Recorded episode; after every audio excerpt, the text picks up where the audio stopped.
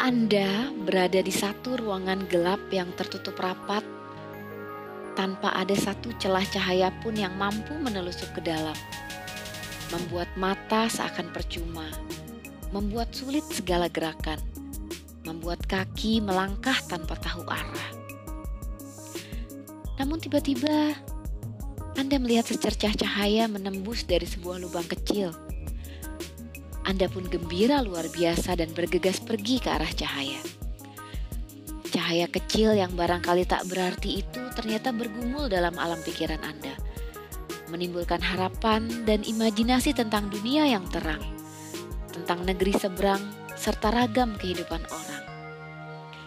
Cahaya yang membawa kita ke kerajaan yang begitu kaya dan menakjubkan, mengajak kita berlibur tanpa pernah usai, serta menghadiri beragam perjamuan mewah. Namun, sudikah kita membiarkan cahaya itu masuk? Atau kita merasa ia terlalu silau hingga harus segera ditutup kembali? Barangkali ini bukan perumpamaan yang terlalu tepat ya. Tapi bagi saya cahaya tersebut seperti sastra yang menerangi ruang gelap dalam diri kita. Kenapa bisa begitu ya? Itu kenapa hari ini kita mau ngomongin sastra. Ya, sastra memang tidak asing dalam metode Charlotte Mason ya. Tapi kenapa? Apa sih sebenarnya pentingnya sastra? Dan gimana sih cara belajar sastra? Nah, saya, Ayu Primadini, kembali hadir menemani teman-teman dalam seri podcastnya Charlotte Mason Indonesia. Sudah hafal pastinya ya kalau dalam seri podcast ini biasanya saya selalu ditemani dua orang pilihan yang pastinya punya kapasitas dong dalam membicarakan topik terkait. Yang pertama ada sahabat saya yang pastinya teman-teman sudah akrab juga. Halo semuanya, saya Maria Sugio dari Malang. Seneng banget nih tema kita hari ini soal sastra. Soalnya ini salah satu pelajaran favoritku dan anak-anak. Mm-mm, ya, anak-anakmu juga suka ya sastra dua-duanya Maria?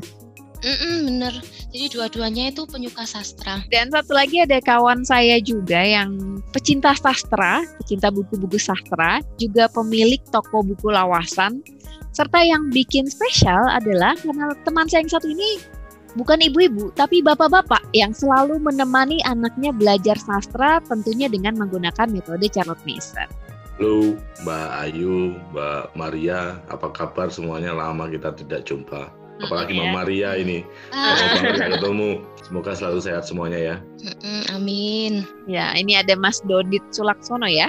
Kalau teman-teman pernah dengar episode Living Books lokal pasti udah nggak asing ya sama Mas Dodit ya. Dan biasanya kalau udah ngobrolin sastra, terutama buku-bukunya, memang paling asik nih kalau ada Mas Dodit. Nah, teman-teman mau nguping nggak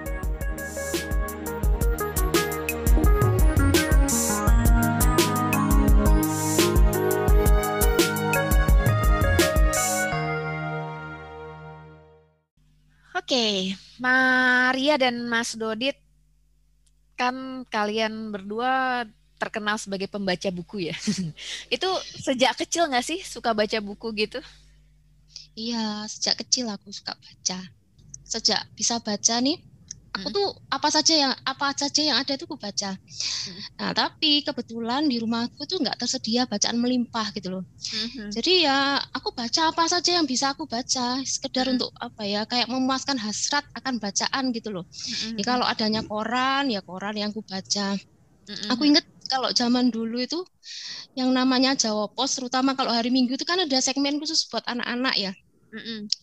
Nah itu biasanya aku nanti-nanti itu karena terus apa jadi penghibur hari mingguku waktu itu. Mm-hmm. Nah, jadi kalau misalnya enggak ada itu ya ada majalah, ya majalah aku baca. Bahkan kalau misalnya enggak ada apa pun yang bisa aku baca, aku sering loh waktu itu baca-baca Alkitab. Soalnya Alkitab itu kan isinya banyak cerita-cerita juga ya. Mm-hmm. Jadi ya kalau sudah enggak ada apa pun yang bisa aku baca ya itu yang aku baca gitu. Menarik gitu buat aku cerita-ceritanya. Jadi apa pun kamu baca ya? oh, oh iya, karena aku suka baca, tapi apa ya, nggak ada bacaan yang banyak tersedia buat aku gitu loh. Hmm. Kalau Mas Dodit gimana Mas? Dulu baca apa aja tuh waktu kecil tuh? Oh iya, kebetulan hmm. aku dulu waktu kecil itu kan ikut ibuku yang guru SD gitu. Hmm. Dia waktu dia ngajar aku main-main kan biasanya. Nah, kalau capek main-main di luar itu aku masuk suatu ruangan yang penuh buku dan ternyata itu adalah perpustakaan sekolah. Jadi bukunya buku-buku proyekan impers dulu kalau Oh, yang tipis-tipis itu ya? Iya, yang tipis-tipis itu banyak banget. Jadi itu yang aku baca dan tanpa latihan atau tanpa diajari ternyata itu juga akhirnya membuatku bisa membaca. Jadi sebenarnya perkenalan dengan buku-buku jenis semacam itu yang lawasan itu udah dari dulu ya Mas Dodit ya, dari kecil ya? Udah, tapi itu karena di sekolahan ibuku itu, tapi kalau di rumah nggak ada. Oke. Okay. Karena bapak ibuku bukan pembaca buku yang serius. Hmm, tapi ngerasain nggak sih uh, apa efek yang kalian dapat gitu ketika udah biasa jadi pembaca buku dari kecil? Kan ada ya orang keluar orang atau keluarga yang memang tidak membiasakan suka buku gitu. Kalau aku pribadi ya, papaku tuh dari kecil memang suka buku dan memang semi sebulan sekali lah, sebulan sekali tuh ngajakin anak-anaknya ke toko buku dan di sana kita bebas baca buku dan akhirnya boleh membawa pulang satu dua buku lah gitu. Maksudnya memang atmosfer pembaca tuh memang dihidupkan gitu. Tapi kan nggak semua keluarga seperti itu ya. Ada keluarga yang memang uh, tidak mencontohkan untuk suka membaca gitu. Nah, kalau Mas Dodit dan Maria ini kan terbiasa ya membaca buku sejak kecil. Efek apa sih yang dirasakan ketika akhirnya dewasa gitu? Kalau aku ya sebagai praktisi CM ya, aku karena kebiasaan membaca itu sudah aku mulai sejak kecil. Jadi nggak ada apa ya terasa kayak asing atau berat ketika menjalankan metode CM yang kebetulan juga banyak mengakses buku-buku ya. Buat aku malah suatu apa ya kayak suatu hiburan gitu loh. Jadi bukan menjalankan ini dengan berat, tapi merasa semakin kecintaan dari dulu yang apa dari kecil aku suka membaca tuh semakin kayak dipupuk gitu loh. Berarti efeknya karena ketemu metode yang pas ya. Uh, uh. Kalau Mas Dodit gimana? Apa efek yang dirasakan sebagai seorang pembaca dari kecil? Apa yang dirasakan ketika sudah dewasa begini? Uh, kalau ini sih habit ya, kebiasaan ya. Hmm buku itu udah udah jadi sesuatu yang memang itu bagian dari hidup. Jadi nggak bisa dihilangkan itu mulai hmm. mulai pagi sampai malam. Pagi baca buku malam yang sebelum tidur ya masih baca buku. Jadi lebih apa ya sekarang itu malah lebih uh, jadi kebiasaan dan itu melekat banget ke diri itu ada efek ke karakter nggak sih? Kalau aku ya kalau aku merasa bahwa uh, karena aku suka baca buku jadi aku merasa imajinasiku itu mudah sekali terpantik gitu.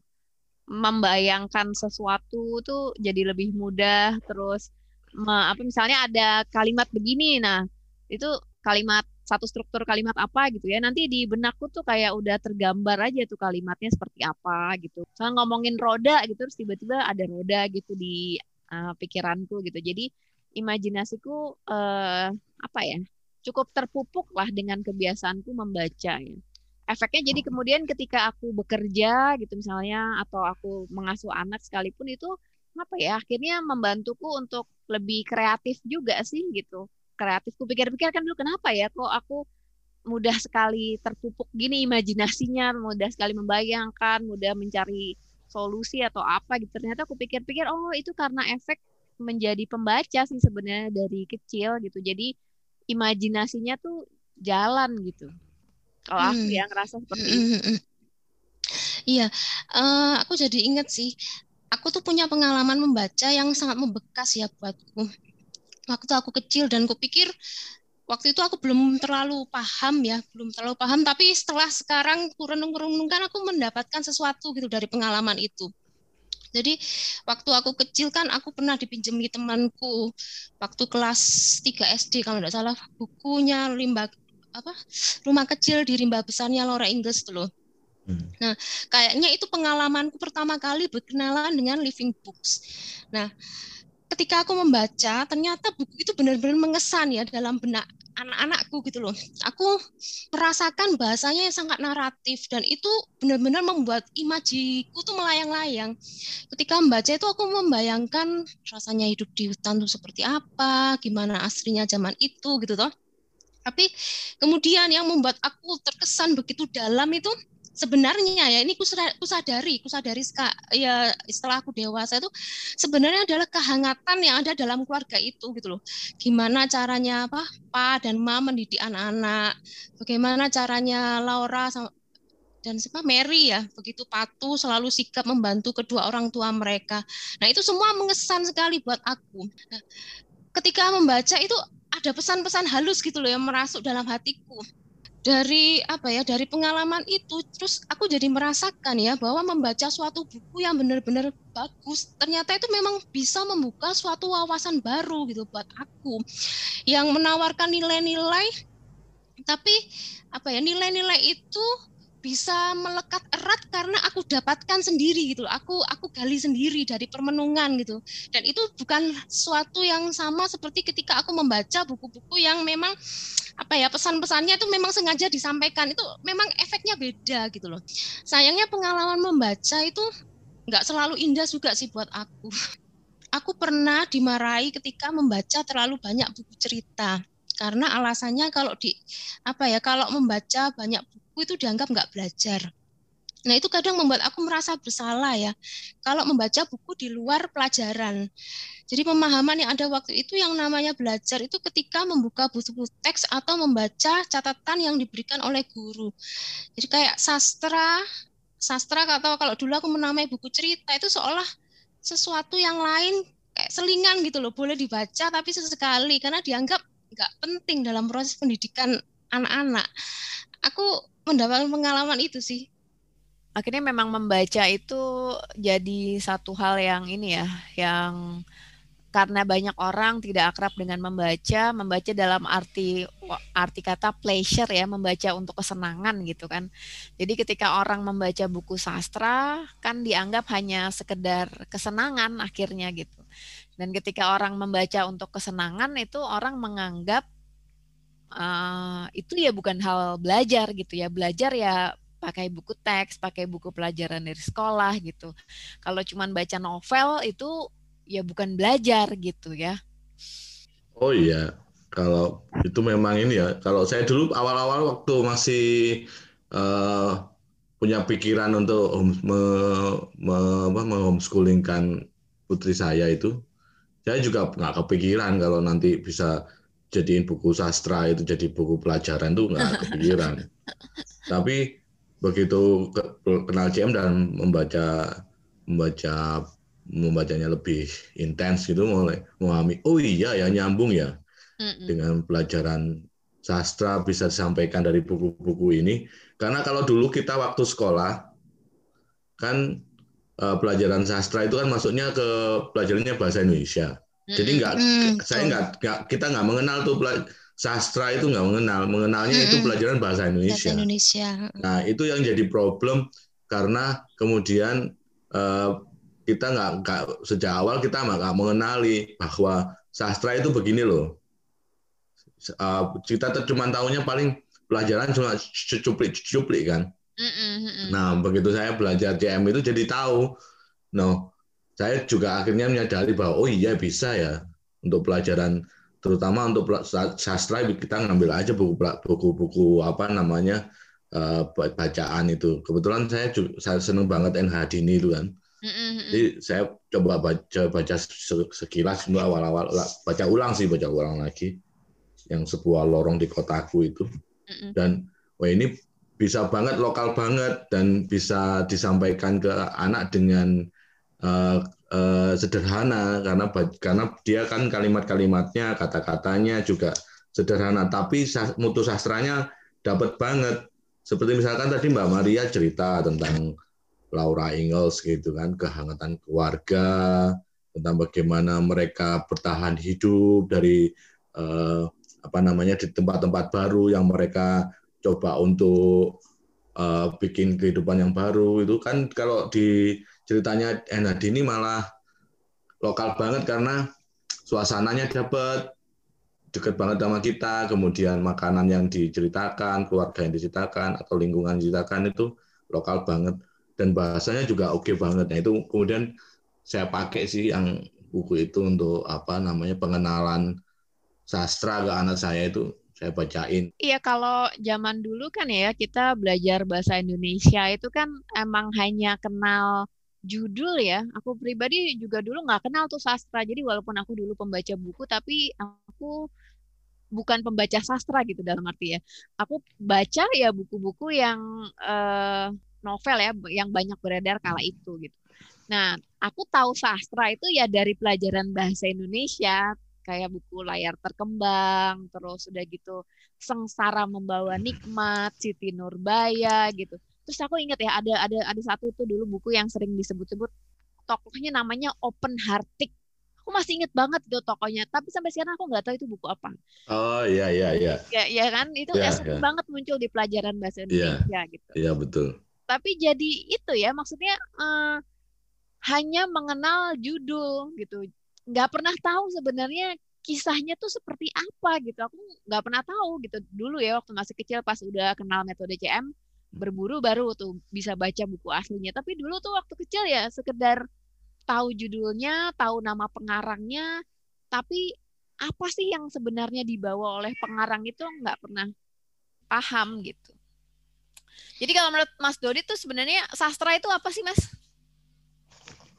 Uh, jadi kalau aku punya ini sendiri kan, namanya definisi sendiri ya sastra hmm. itu. Karena kalau kalau sastra itu adalah karya yang hmm. disusun bisa ter, yang kebanyakan ditulis sih, tapi disampaikannya bisa hmm. secara tertulis, bisa secara lisan yang disusun dengan baik, dengan bermutu, dengan pemikiran yang dalam. Gitu eh, menurut saya sastra itu begitu. Bentuknya bisa prosa, bisa puisi, bisa drama, begitu Mbak Ayu.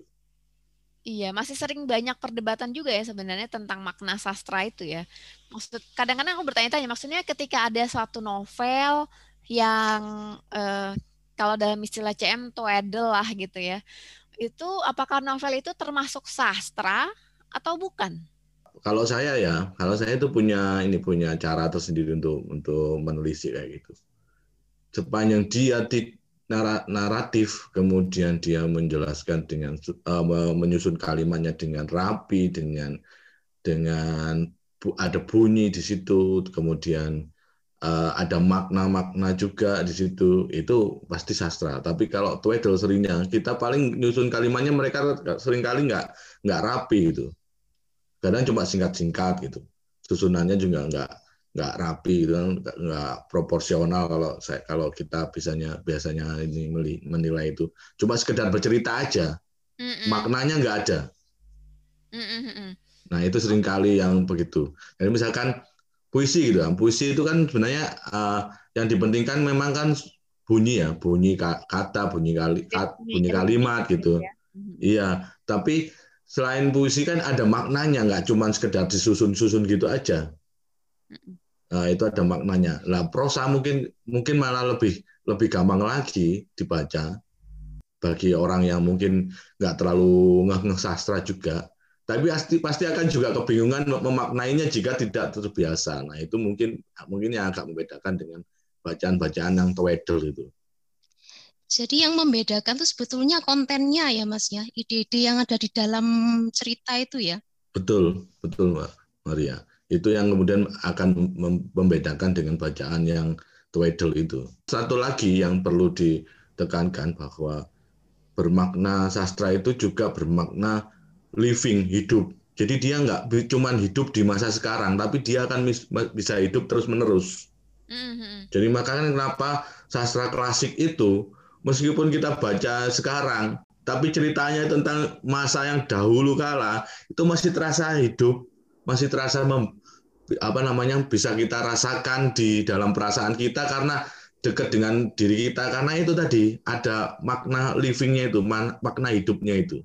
Itu yang mungkin nggak didapat dari cerita-cerita semacam Tweedle. Kalau zaman dulu ya pasti ada cerita-cerita Tweedle itu tapi udah hilang musnah. Karena makna livingnya apa nggak nggak muncul. Nah kalau yang sastra klasik yang sampai sekarang kita baca itu tetap hidup karena itu tadi.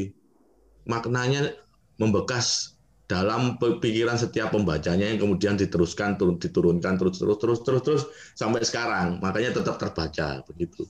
kalau kayak apa eh, keindahan bahasa itu apakah juga jadi salah satu syarat sehingga suatu buku itu memenuhi kriteria ini termasuk buku sastra? Apakah seperti itu, Mas? Keindahan bahasanya sendiri itu apakah ada pengaruh? Pengaruh, Mbak. Pengaruh itu juga pengaruh. Tapi kalau kita ngomong terutama sastra klasik, sastra Inggris ya, ngomong sastra Inggris, itu dia ada selalu ada maknanya, nggak sekedar cuma indah bahasanya. Kalau misalkan salah satu contohnya Just, Just Storiesnya Rudyard Kipling gitu ya. Mm-hmm. Saya terus terang membaca buku itu ya karena saya kebetulan menjadikan buku itu sebagai pelajaran sastra untuk anak saya. Jadi saya sebelumnya belum pernah baca. Kebetulan saya bacakan untuk anak saya untuk pelajaran sastra. Dan ternyata memang sangat kalau ngomong ke apa keindahan bahasa indah sekali tapi selalu ada maknanya, selalu ada sesuatu yang indah untuk disampaikan dan sesuatu yang bisa mengetuk kepala kita. Itu kalau saya pribadi, oh iya ya, ini maksudnya begini nih. Jadi segala sesuatu itu enggak ada yang ujuk-ujuk tiba, misalkan cerita tentang gajah yang ditarik eh, apa namanya itu hidungnya hingga panjang, makanya sekarang gajah itu hidungnya panjang, ada belalainya itu karena ada ceritanya. Jadi maksud maksudnya Kipling adalah bahwa apa pun yang hidup sekarang ini, manusia, hewan segala macam, itu nggak tiba-tiba ada begitu. Jadi dia seperti menceritakan secara sederhana apa yang dimaksud oleh Darwin tentang teori evolusi. Uh, ini loh, aku ada ada pemikiran begini. Hmm. Kita tuh ingat ya kalau di Indonesia beberapa dekade yang lalu pemerintah yang berkuasa di negeri kita ini kan juga pernah ya memerintahkan kayak penghancuran buku, lalu pelarangan buku-buku tertentu. Dan banyak buku yang dilarang itu justru buku-buku sastra. Kejadian seperti itu kan tidak hanya terjadi di negeri kita ya. Aku ingat ketika aku baca cerita apa oh, bukan cerita baca sejarah apa di Cina itu tentang revolusi kebudayaan itu kan juga pada zaman itu begitu banyak buku itu dibakar hmm. juga kalau kita baca apa volume 6 bagian awalnya Charlotte Mason itu dia pernah cerita juga bagaimana siswa-siswa di kota Bonn di Jerman tuh membakari novel-novel Prancis itu menjadi api unggun dan itu dilakukan dengan ritual bahkan ya ritual tertentu. Nah, aku jadi ini jadi terpan, ter, terpantik pertanyaan ya. Hmm. Tadi kan Mas Dodi sudah cerita sih uh, karya sastra itu seperti apa. Nah, aku tuh jadi bertanya-tanya ya kalau misalnya pemerintah itu sampai melarang suatu buku, terutama misalnya buku-buku sastra, sebenarnya sastra itu apa ya? Um, seberapa seberapa besar sih pentingnya sastra dalam kehidupan sih, sehingga kok bahkan bisa dianggap sebagai ancaman dalam ancaman dalam kehidupan tuh seberapa seberapa besar pentingnya sastra ini mas ini tiba-tiba memantik pertanyaan mas yeah, yeah, yeah. jadi ingat itu loh jadi hmm. ingat quote-nya Seno Gumira Aji Dharma ya ketika jurnalisme dibungkam hmm. sastra bicara gitu uh, sastra bicara ya iya, artinya yeah, yeah. sebenarnya kalau beredel dia beredel beredel hmm. koran gitu kan itu banyak terjadi juga kan ya ketika jurnalisme sudah terlalu eksplisit gitu. Belum sebenarnya kan kalau wartawan itu kan terikat kode etik ya. Mereka harus memperhatikan narasumbernya juga gitu. Ada, ada kerahasiaan narasumber yang memang tidak bisa diungkap secara terang-terangan gitu kan. Kadang-kadang kan seperti itu. Nah, akhirnya ketika ya itu jurnalisme tidak bisa bicara banyak ya kita bisa bicara banyak lewat sastra gitu. Di mana sastra itu sebenarnya uh, bisa secara implisit ya menceritakan hal-hal yang yang sebenarnya dilarang untuk diceritakan gitu. Tapi sastra tuh mampu mengubahnya jadi sesuatu yang indah gitu kayak hmm. kayak buku itu ya kan George Orwell itu kan ya cinta si Animal Farm itu yeah, kan yeah. dia kan sebenarnya kritik habis-habisan sama politik gitu kan hmm. tapi kan hmm. dia dia membahasakannya dalam bahasa perumpamaan gitu kan yang kayaknya itu cerita anak-anak kayak gitu kan nah akhirnya ya mungkin kalau aku pikir dan hal-hal kayak gitu yang jadi ditakutkan gitu wah ini ancaman nih gitu ini implisit sih tapi bisa meracuni nih gitu kan mungkin ya aku pikir gitu Sebenarnya kalau sastra itu kan yang dimainkan kan ruang imajinasi. Hmm, betul. Ruang imajinasi itu yang kemudian uh, di apa namanya digerakkan untuk berpikir untuk mendorong kita untuk kemudian lebih apa ya itu lebih berpandangan gitu ya berpandangan luas karena kalau misalkan kalau kita baca karya sastra itu misalkan buku sastra apa pun gitu hmm. dia nggak akan ujuk-ujuk karena dia akan selalu cerita dulu panoramanya hmm, misalkan setting mau situasinya, situasinya kita diajak berkelana dulu gitu jalan-jalan gitu. membayangkan ini ada padang rumput luas hmm. hijau langit biru hmm rumput apa bunga-bunga rumput berkembangan matahari cerah gitu gitu kan kita diajak dulu kan berkelana itu. Nah itu otomatis kita akan langsung start otak kita secara otomatis itu untuk kemudian membayangkan hal-hal seperti itu. Nah itu yang kemudian yang tadi di, di, dibilang oleh Mbak Maria keindahan bahasa. Dimulai dulu dari situ. Kalau bahasanya nggak indah kita nggak bisa bayangin kita nggak dapat tuh bayangannya pada rumput yang hijau gimana bentuk padang rumput yang hijau. Tapi kalau di kemudian ditata dengan kalimat yang indah, kata-kata yang tersusun diksi-diksi yang disusun rapi gitu, petikan tanda koma, titik, tanda petik atau segala macam uh, tanda baca itu ditempatkan dengan benar, kita akan diajak itu kemudian untuk membayangkan hal-hal kayak gitu. Nah itu yang kemudian uh, dianggap berbahaya karena ya. imajinasi kita yang hmm, kemudian hmm, hmm, hmm. apa Main. namanya diajak untuk kemudian berpikir makanya kebanyakan pembaca sastra yang kritis ya pembaca hmm, hmm sastra ini itu punya nalar yang kritis ah, punya kekayaan kosakata kekayaan bahasa yang tinggi punya kemampuan membaca menganalisa yang tinggi punya kemampuan merelasikan semua kondisi dalam dirinya dengan lingkungan sekitarnya sehingga biar dia bisa luas, bersikap, bisa gampang bergaul, bisa berkomunikasi dengan siapa saja dengan mudah karena dia sudah terbiasa apa membaca dan berefleksi pada dirinya sendiri kemudian menentukan sikap bagaimana saya harus bersikap bagaimana hmm. saya harus menentukan uh, apa yang saya jadikan pegangan hidup ini ya aku aku jadi ingat kemarin sempat nonton dokumenter di Netflix juga ya judulnya The Mind Explain gitu. Terus ngebahas tentang memori gitu di otak kan.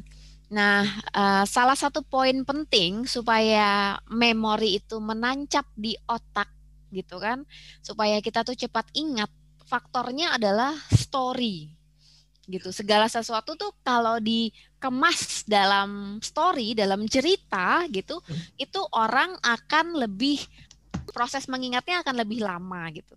Nah, terus aku juga jadi ingat sama CM bilang kan kalau CM itu bahwa pengetahuan itu harus disentuh dengan emosi gitu kan. Uh. Nah, ini ini sastra banget ya sebenarnya ketika kita mengemas pengetahuan dalam bentuk sastra, ya itulah yang akan tersimpan di dalam benak anak untuk waktu yang cukup lama gitu. Jadi akhirnya kenapa sastra penting? Ya karena ketika pengetahuan itu dikemas dalam sastra, dalam entah itu bahasa yang sastrawi atau memang buku sastra, akhirnya pengetahuan itu akan melekat di benak anak dan dia akan mengingatnya dalam jangka waktu yang panjang gitu. Nggak nggak cepat hilang gitu jadi di dalam hmm, ya. berbeda kan kalau kalau kita hanya baca buku teks gitu. Buku teks kan tidak ada emosi di situ uh, kan? uh, tidak ada rasa di situ gitu kalau kata Daniel Siegel di buku Parenting Inside Out itu kan kalau mau mengajarkan anak itu kan sentuh dari otak kiri dan otak kanan gitu ya. Mm. Nah, kalau sastra ini kena dua-duanya gitu kan yeah. dari uh, pengetahuannya dapat dari otak kiri ya pengetahuan terus otak kanannya dari sisi emosinya dapat gitu. Jadi anak-anak mm. akan ingat lebih lama gitu. Yeah. Jadi kadang-kadang aku kepikir wah ini emang ya uh, metode CM ini yang terkait dengan pembelajaran akademisnya sekalipun nyambung banget dengan penelitian-penelitian terbaru juga gitu. Hmm, hmm, hmm, hmm. Iya iya, uh, makanya ya CM tuh bersikeras soal ini ya, soal pentingnya menggunakan buku-buku yang sastrawi ya.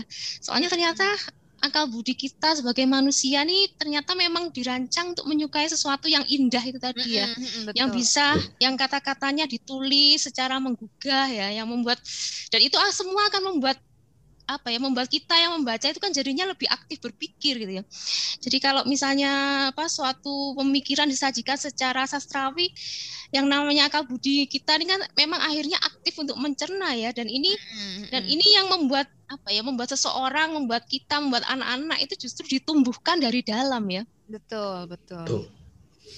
Walaupun banyak juga yang akhirnya menganggap gini ya, wah anak-anak udah dikasih buku sastra gitu. Ya ampun, itu loh buku Beatrix Potter itu loh orang tuanya aja susah ngerti gitu kan. Apalagi anaknya, anakku dikasih kayak gini, ngerti nggak nih gitu kan orang-orang suka banyak yang bertanya-tanya gitu ya. Yang Winnie the Pooh gitu kan, Winnie the Pooh yang asli yang karangannya E. E. Maun itu kan, wah ini buat anak prasekolah kayak gini. Ini maksudnya apa aja? Orang tuanya nggak ngerti gitu. Kan terus kalau misalnya dirimu yang ditanya gitu dirimu akan menjawab seperti apa yuk ya kalau aku bilang ini sih selalu sama kayak pendapat CM ya. Kan intinya children are born person ya. Jadi anak-anak kan ya sudah terlahir dengan akal budi ya. Sama seperti anak-anak terlahir dengan lambung maka anak-anak terlahir juga dengan akal budi gitu kan. Artinya akal budi ini ya sudah mampu bekerja sejak anak-anak itu lahir gitu. Sama seperti lambungnya sudah bekerja, akal budinya sudah bekerja. Artinya ketika kita supply dia dengan makanan, makanan bergizi terutama ya dari buku-buku yang sastrawi seperti itu, ya kita percaya aja sih sebenarnya kalau mereka itu punya akal budi yang bisa mencerna gitu. Hanya saja kan kadang-kadang orang tuanya berpikir bahwa proses mencernanya itu harus harus sekarang gitu ya, harus kelihatan oh begitu ya Ma gitu. Padahal kan namanya mencerna kan beda-beda ya gitu. Kayak kita mencerna makanan di lambung aja lah gitu kan prosesnya beda-beda kan born person banget lah kita itu dalam soal lambung gitu kan. Ada yang begitu makan bisa langsung keluar gitu kan. Ada yang uh, apa proses pengeluaran makanannya tuh lama gitu kan ada juga yang kayak gitu kan. Nah sama sih menurutku juga dengan akal budi ya kayak gitu. Proses mencernanya anak-anak ya beda-beda gitu. Ada mungkin buku-buku tertentu yang anak-anak bisa langsung paham saat itu juga gitu kan terbukti dengan pertanyaannya dia atau cara dia menanggapi gitu. Tapi kan ada juga anak-anak yang memang menanggapinya akan lama gitu prosesnya lama gitu. Prosesnya mungkin bisa uh, dua tahun kemudian apa tiga tahun kemudian atau baru kapan gitu kan itu sangat hmm. mungkin sangat mungkin terjadi juga kan gitu Kayak ada ada satu cerita sih dari temen CMers juga nih. Dia pernah membacakan anaknya buku tuh The Wizard of Oz itu waktu anaknya masih empat tahun apa ya. Dia bacain aja gitu. Anaknya ngerti apa enggak juga dia nggak tahu gitu. Dia baca aja gitu. Sampai kemudian ketika anaknya udah umur tujuh tahun apa delapan tahun gitu, tiba-tiba anaknya tuh lewat satu jalanan gitu ya di jalanan terus uh, ada satu garis kuning itu loh kalau misalnya di Jakarta tuh ada uh, garis kuning itu memang garis untuk ngebantu orang buta untuk berjalan itu. Nah, terus di trotoar-trotoar di Jakarta gitu ya. Nah, itu si anak itu bisa bilang, "Mama, aku seperti Dorothy gitu di Wizard of Oz gitu." Terus mamanya yang, "Hah? Dorothy? Kapan anak ini dibacain Dorothy? Perasaan udah lama banget gitu loh." Ya kayak gitu. Tiba-tiba ya itu keluarnya tuh bukan pada saat itu tapi bisa bertahun-tahun kemudian gitu kan. Nah, ini kenapa CM bilang juga ya bahwa education is a faith juga ya, butuh iman gitu, butuh kepercayaan bahwa ya, betul. anak-anak itu mampu kok. Hanya saja kita nggak bisa memaksa dia untuk paham pada saat itu juga gitu ya. Betul, betul, betul.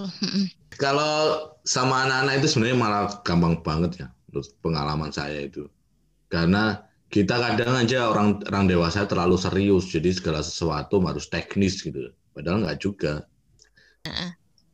Iya ya sastra memang istimewa ya dan akhirnya kita menyadari bahwa sastra ini memang suatu hal yang penting ya. Penting bukan hanya karena penting dalam arti utilitarian ya penting karena nanti kalau sudah dewasa anak-anak bisa cari duit dengan baik gitu kan gara-gara belajar sastra gitu kan bukan semata-mata karena enggak. itu. Artinya belajar sastra ya memang karena jiwa manusia itu membutuhkan keindahan, jiwa manusia itu butuh pengalaman gitu. Aku aku suka suka teringat tuh dengan uh, satu kata sastrawan. Aku tuh lupa sastrawan siapa, tapi dia selalu bilang bahwa sastra itu adalah sahabat anak gitu. Karena dengan membaca sastra, anak-anak anak-anak itu akan merasa punya pengalaman untuk berkelana ke sana kemari gitu kan. Hmm. Terus dengan hmm. sastra itu anak-anak tidak harus merasakan pengalamannya langsung gitu. Dia mm -hmm. tidak harus mengalami rasanya misalnya tinggal di kutub utara untuk tahu mm. gimana rasanya tinggal di kutub utara itu gitu kan. Dia nggak harus ngerasain namanya dipukulin oleh orang tuanya terus ditinggalkan gitu jadi anak yang sebatang kara gitu misalnya kan. Dia nggak harus merasakan itu tapi dia bisa tahu rasanya dengan cara dia membaca buku-buku sastra gitu kan. Nah jadi sastra itu uh, memper luas wawasan anak, memperkaya emosi anak gitu ya. Mm. Kayak aku bilang di awal tadi ya dengan sastra tuh anak-anak punya uh, liburan yang tanpa usai gitu kalau kata CM mm kan gitu. Seperti menginstal kerajaan yang uh, super kaya di dalam benak anak-anak gitu ya. Mm Jadi penting banget sih memang ya belajar sastra ini gitu. Oke, okay, habis ini kita nanti ngobrolin lagi ya tentang gimana sih proses belajar sastra dalam metode Charlotte Mason.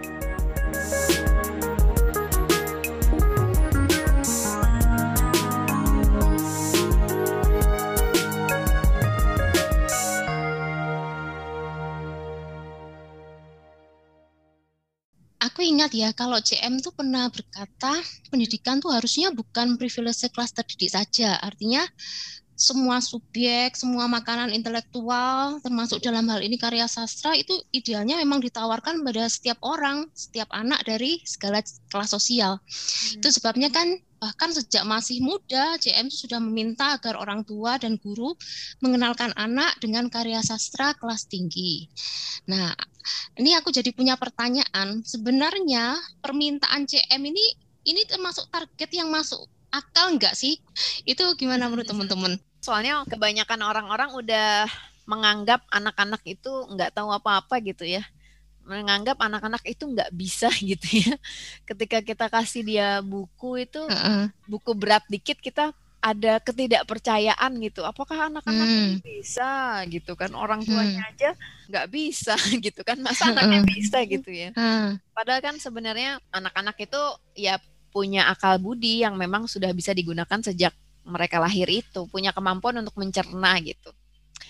Aku jadi ingat itu loh, uh, eh, NH Dini itu pernah cerita di salah satu bukunya kalau dia tuh dulu belajar baca dengan bukunya Rabindranath Tagore gitu. Bayangkan hmm, belajar iya, iya, iya baca betul, ya, berarti kan dia iya. masih kecil banget ya.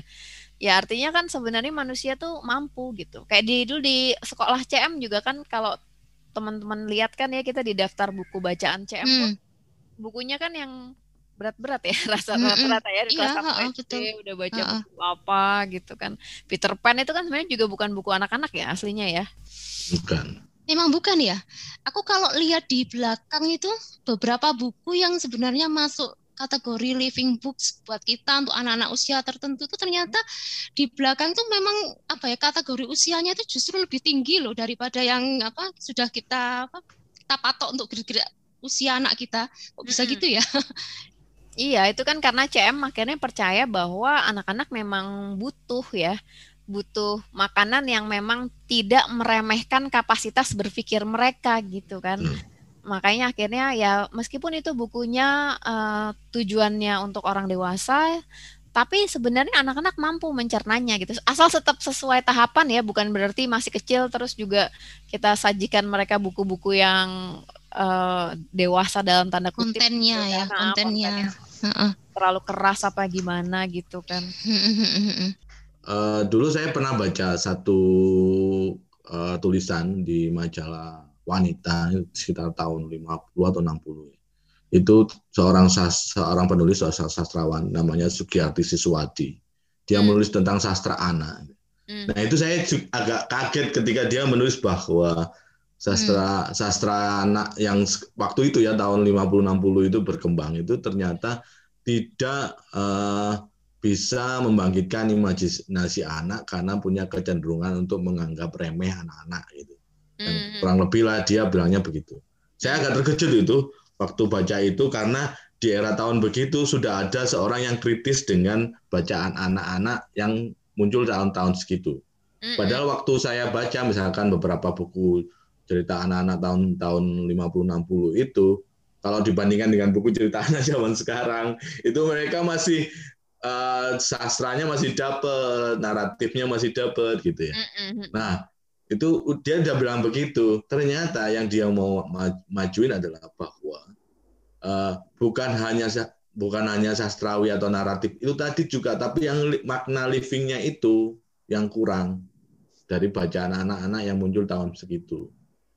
Nah kalau di JM udah jelas kan, makanya saya juga terkejut waktu Jesus Stories itu dibuat bacaan untuk year, awal itu, mm-hmm. satu atau year dua kalau nggak salah. Kemudian Animal Farm itu untuk untuk year year 4 atau year, year 5, year 6 ya, ya gitu. Itu agak terkejut. Kemudian maka saya kemudian baca itu semua daftar apa rekomendasi embosat online itu. Kemudian ada beberapa yang saya punya coba-coba uh, analisa kemudian kemudian nyambung apa yang dikatakan CM itu. Oh iya ya kita itu memang orang dewasa itu memang memang payah karena pendidikan kita itu sudah terlalu terlalu kronis itu loh penyakitnya itu. Sehingga hal-hal yang sebenarnya harusnya bisa mengembangkan imajinasi anak, bisa mengembangkan uh, kepribadian anak, itu ternyata nggak tersampaikan karena mutu bacaan yang kita berikan itu sangat receh gitu loh. Menjejali anak dengan informasi yang sebenarnya nggak dibutuhkan anak-anak juga gitu loh memberikan pengetahuan secara sepotong-sepotong, secuil-cuil kayak pelajaran sastra yang kita terima di sekolah itu. Sehingga cuma hafalan. Misalkan Sultan Tadi Al-Syabana, karyanya apa? Cuma hafalan, tapi pernah baca? Enggak, pernah. Terus kemudian tahu siapa sih Sultan Tadi Al-Syabana? Ya nggak tahu. Nah itu kayak gitu-gitu sih. Artinya memang apa ketidakmampuan kebanyakan anak-anak atau mungkin bahkan orang dewasa ya pada zaman ini untuk mencerna karya sastra itu karena memang tidak terbiasa ya Mas ya. Artinya ya, kalau uh, uh, kalau anak sama sekali sejak usia dini lah nggak pernah mendapatkan akses untuk menikmati buku-buku yang bagus, ketika dewasa tentu akan ada kesulitan ya untuk menikmati buku-buku yang bahasanya berat gitu kan. Otomatis dan, begitu. Uh, uh, dan dan kita tahu ya memang hal semacam ini yang ingin diretas oleh CM ya. Hmm. Artinya kalau kita emang ingin membangun suatu generasi yang berbudaya, suatu kaum pembaca yang tidak akan mencari atau meminati bacaan sampah gitu ya, bacaan bobrok gitu seperti hmm. istilahnya CM. Artinya ya memang kita sejak dini mesti mengekspos anak-anak itu pada bacaan bermutu gitu kan? Ya artinya uh kita harus mencari yang terbaik ya memang ya untuk buku-buku terbaik untuk disajikan kepada anak-anak ya. Sama lah kayak kita selalu mengusahakan makanan terbaik ya buat anak-anak ya. Kalau ibu-ibu zaman sekarang tuh kan rajin-rajin ya cari tahu makan apa nih MPASI-nya anak yang sehat hmm. seperti apa gitu kan. E, jangan gorengan, harus kasih sayur apa kayak gitu-gitu kan ya. Kita pikirin banget kan makanannya ya. Hmm. Tapi kalau kata CM di bukunya gitu, kita mesti berpikir juga, kira-kira akal budi anak butuh makan tidak ya? Gitu kan CM sempat bilang gitu itu. Hmm, ya, artinya hmm. buat akal budi anak pun kita harus kasih yang terbaik ya, bukan hanya hmm, yang tadi ya sudah diencerkan atau yang sifatnya bacaan tweddle lah ya istilahnya kan hmm, itu tapi ya kita harus ajak anak-anak untuk membaca baca bacaan sastrawi yang emang berbobot gitu ya. Kalau mengingat kondisi karya sastra, terutama karya sastra anak ya, Mas ya, seperti yang tadi dikatakan Mas Dodit ini, kira-kira punya tips saran apa ya, Mas, untuk teman-teman yang mendengarkan podcast kita dalam memilih buku bacaan yang bermutu untuk anak-anak nih, terutama yang oh. mungkin bahasa Indonesia ya? Iya, iya, iya. Memang bahasa Indonesia itu memang uh, karena living books itu kan kategorinya atau kriterianya kan memang itu memang barat banget ya. Kalau kita ngelihat embolsat online itu juga barat banget. Tapi bukan berarti bacaan lokal kita itu nggak ada. Dan kalau misalkan mau memulai sebenarnya sederhana. Kalau di tim kurikulum kan udah merilis daftar buku terjemahan tuh. mm-hmm. yang sudah dikura, dikurasi. dikurasi. Nah, sebenarnya itu bisa jadi awalan kalau misalkan kita benar-benar blank lah ya dengan bacaan sastra itu.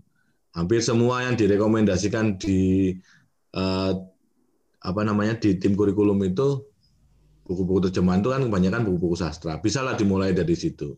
Hmm. Taruhlah kita nyoba yang beberapa yang sederhana-sederhana atau yang paling gampang dibaca misalkan Winnie the Pooh Winnie the Pooh kan anu ya apa namanya kita sudah pernah nonton misalkan Disney kan seperti apa sosoknya segala macam.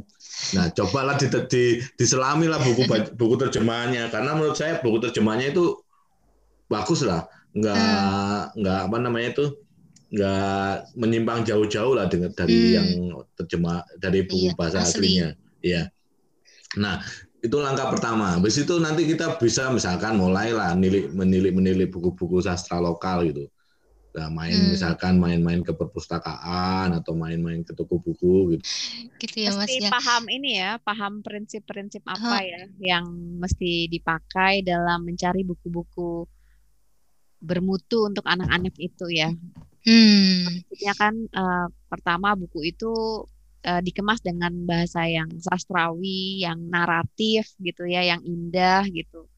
Terus kedua, buku tersebut tidak merendahkan kapasitas berpikir anak ya. Jadi nggak terlalu eksplisit eksplisit gimana gitu bukunya ya. Jadi hmm, uh, memantik anak-anak untuk berpikir ya alih-alih sekedar menelan mentah-mentah. Hmm bahasan yang ada di buku itu gitu ya hal-hal kayak gini yang perlu diperhatikan ya kali ya Maria dalam iya. buku sastra ya uh, ya ini penting untuk diperhatikan ya tapi mungkin bisa juga sih kak apa uh, Ayu sama Mas Dodi ini cerita nih supaya teman-teman punya gambaran nih pelajaran sastra di rumah kalian tuh seperti apa sih Nah, ini kayaknya menarik nih sharing dari praktisi ini.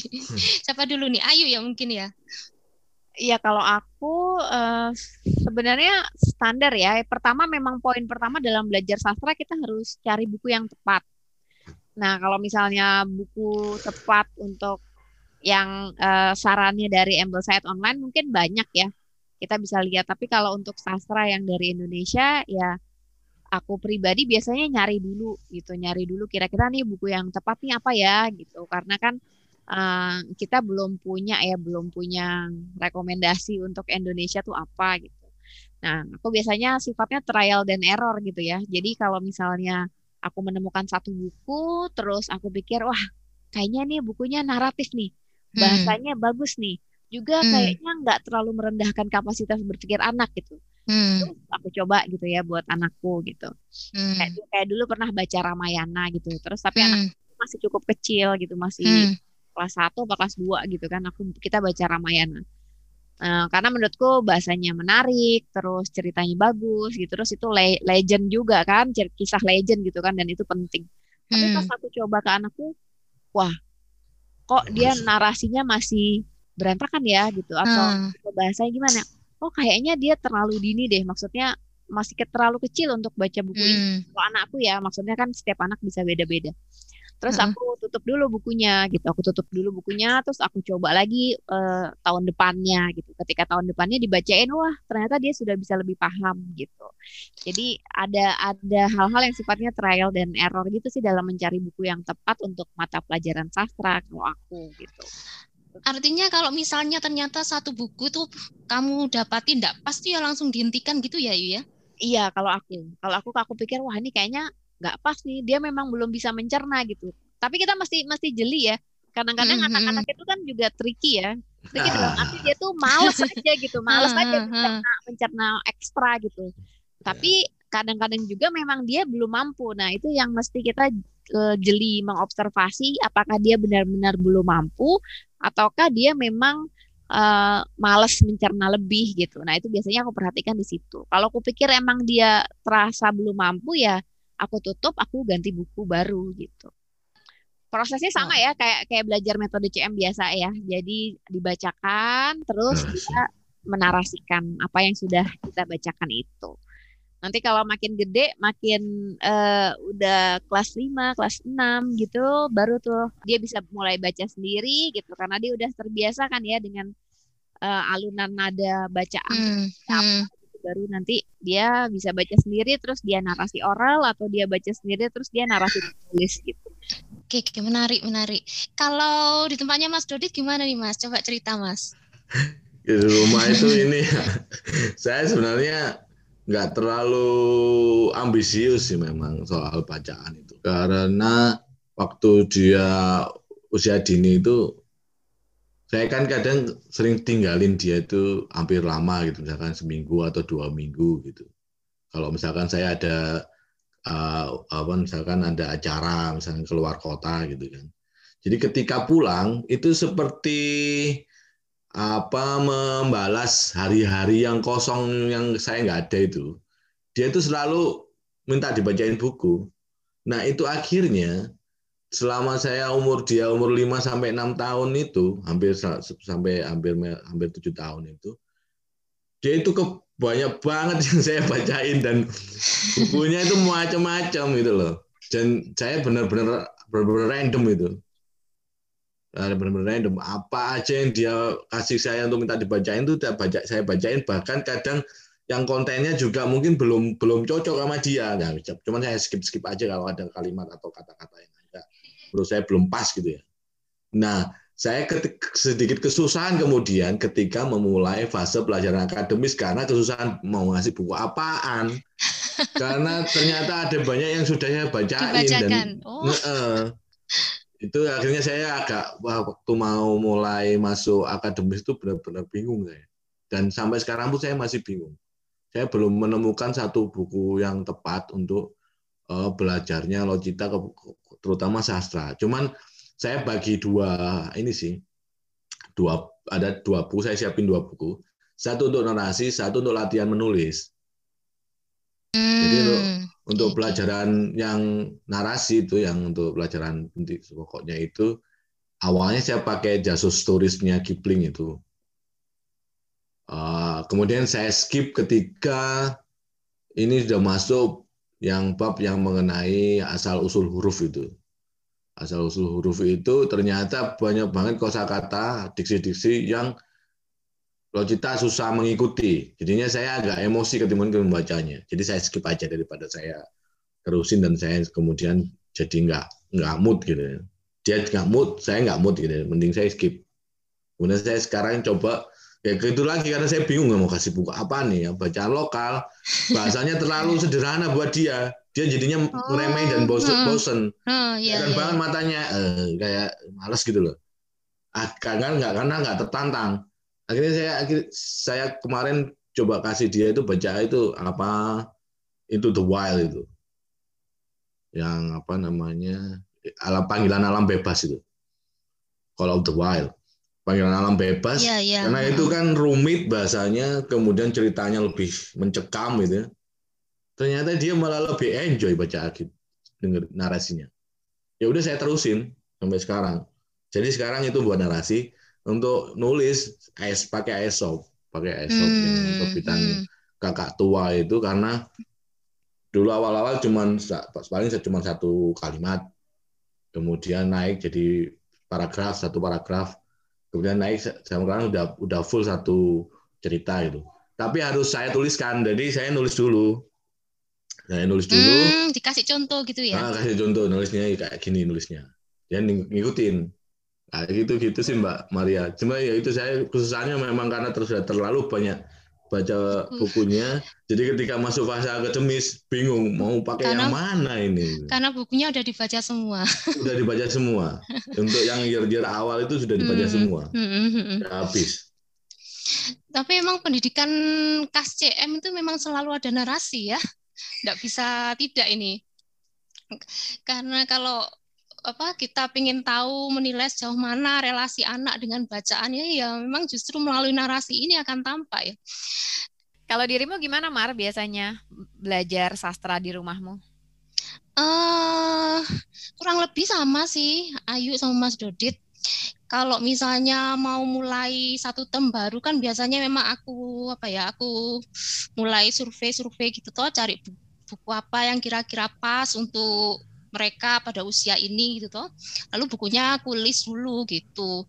Mirip sih, tapi memang selama ini kalau aku kan pakai dua jadi buku-buku yang dari AO itu yang memang kira-kira cukup apa ya cukup masih kontennya pas itu ya kontennya pas kontekstual gitu masih aku berikan ke mereka lalu juga sekarang kan mulai aku tambah buku lokal kalau hmm. buku-buku lokal sama kayak Ayu sih kalau memang apa ya modelnya trial and error gitu loh kadang hmm. memang karena ini kan aku eksplor sendiri ya kadang aku merasa ini bukunya bagus tapi ternyata ketika dibacakan di tengah-tengah kok kok nggak nyaman nggak enak itu nampak dari narasinya sih memang makanya hmm. aku aku bisa menilai anak ini bisa apa ya bisa relate dengan bacaannya itu ya justru dari narasi itu.